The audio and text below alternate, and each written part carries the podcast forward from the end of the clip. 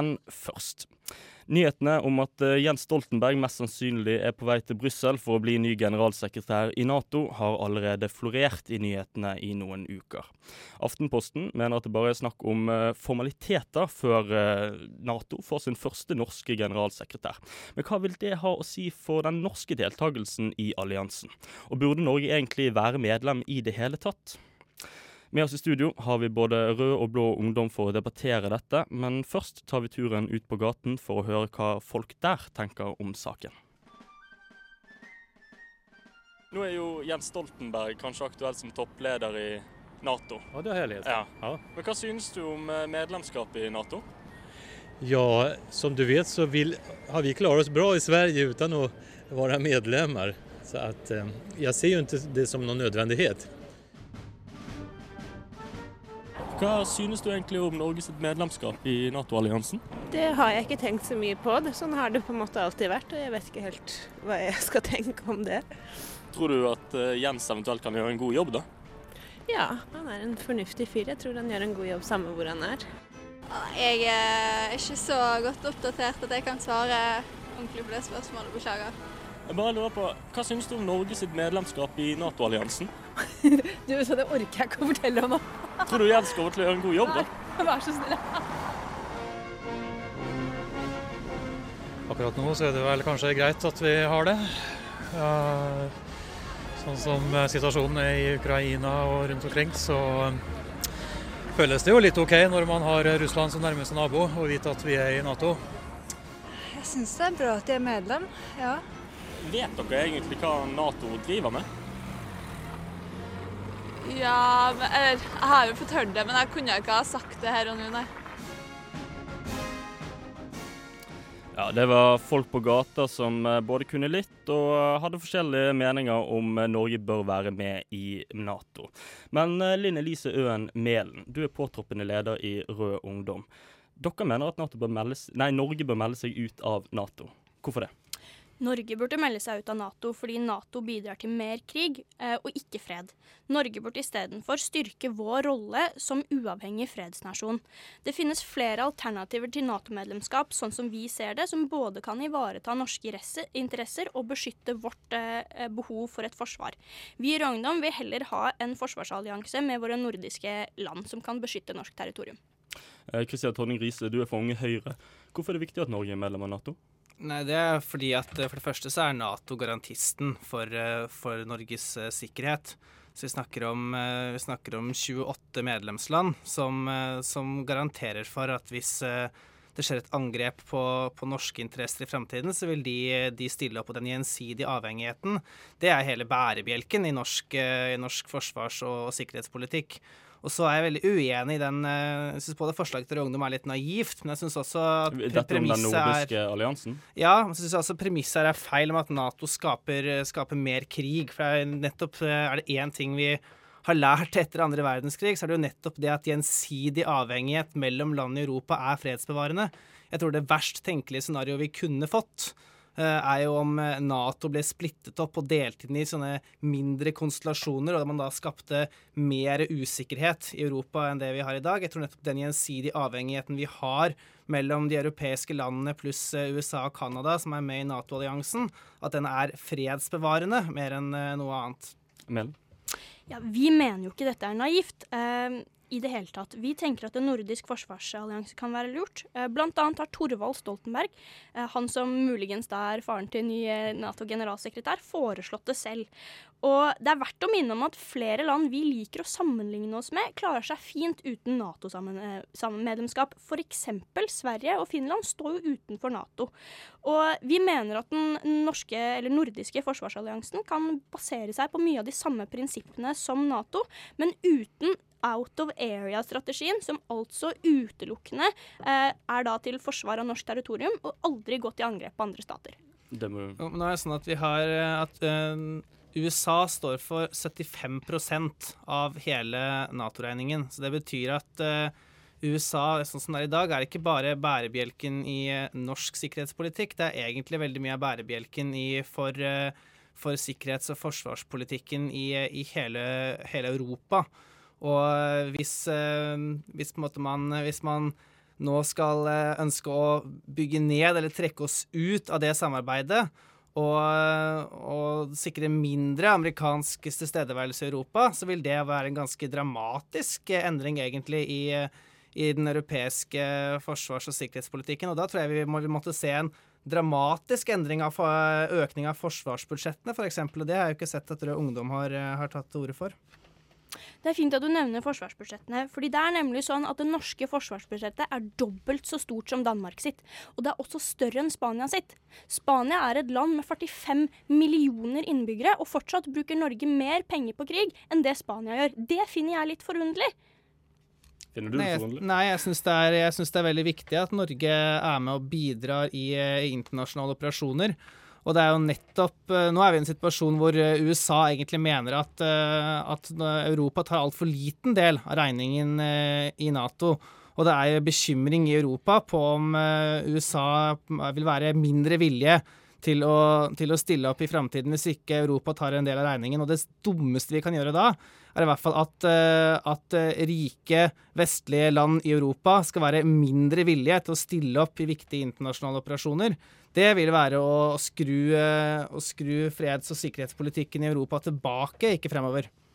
Selvfølgelig bruker USA mest eh, penger på Nato. Nato skulle være en stabiliserende forsvarsallianse, men de siste tiårene har Nato vist seg som en aggressor som bare er villig til å tjene USAs interesser. På hvilken måte da?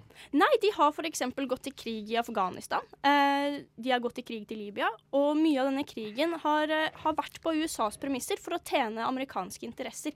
Ikke for å opprette fred, sånn som vi er opptatt av. Tonje Riise, er det USA som i bunn og grunn driver Nato?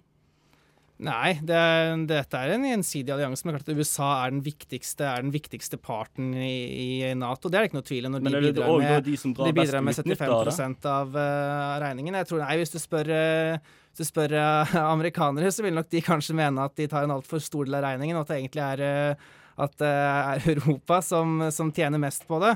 Men når de trekker fram Afghanistan altså Grunnen til at vi gikk inn i Afghanistan, sånn overordnet sett, var jo at man ville hindre at Afghanistan ble et, eh, ble et eh, sånt bolverk for internasjonal terrorisme.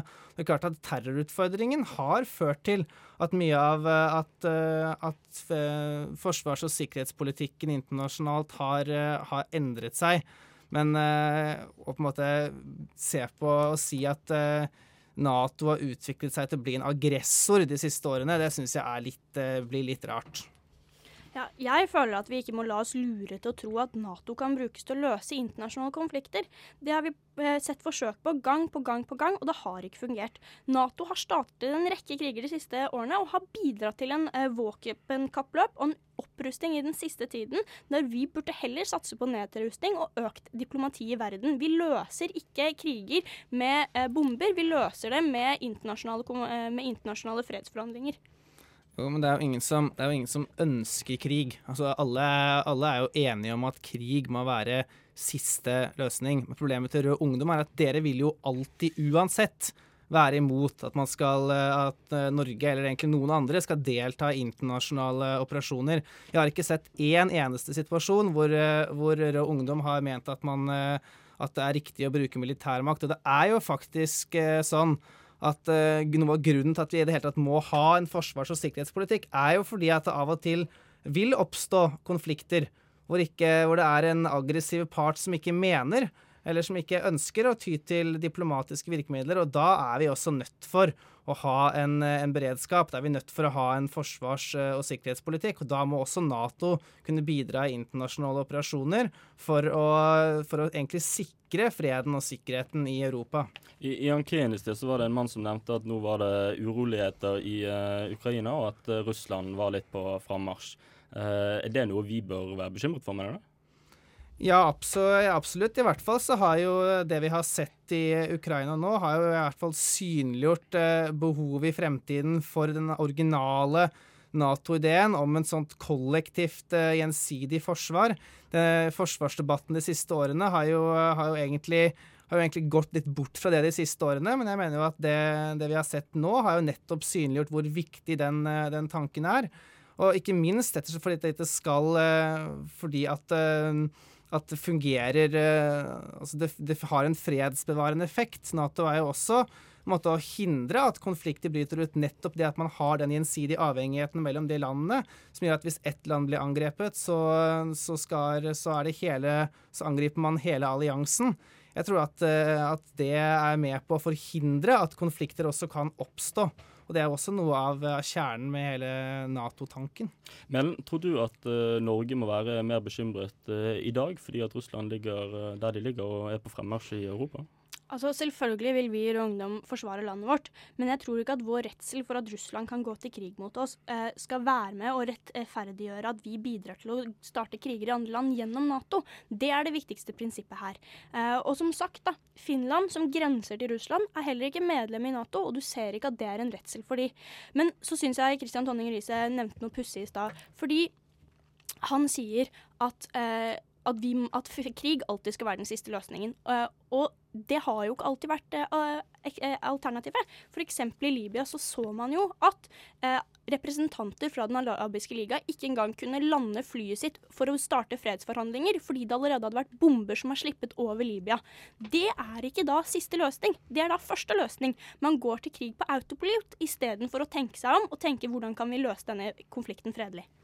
Altså, i, Å si at krig var første løsning i Libya, det er jeg jo overhodet ikke enig i. Altså, her snakker vi om en, en situasjon hvor du har eh, en statsleder, hvor du har et regime som, eh, som praktisk talt slakter sin egen befolkning. Så man er nødt for å ha, ha, en internasjonal grense for hva man kan akseptere. Og da registrerer jeg at en sånn grense finnes det egentlig ikke for, eh, for ungdom. Finns det, det ingen Selvfølgelig finnes det en sånn grense for rød ungdom. Vær så snill, ikke vær latterlig. Ja, da lurer jeg på, Når er det rød ungdom vil kunne være villig da, til å gå inn i en internasjonal operasjon? Når mener dere at det eventuelt kan rettferdiggjøres? For så langt har jo ikke jeg registrert egentlig en eneste situasjon i verden som dere mener er alvorlig nok til at det internasjonale samfunnet skal gripe inn. Norge har en uavhengig stemme i verden som en fredsnasjon. Vi kommer inn i konflikter og kan megle i konflikter som svært få andre land får lov til å megle i verden.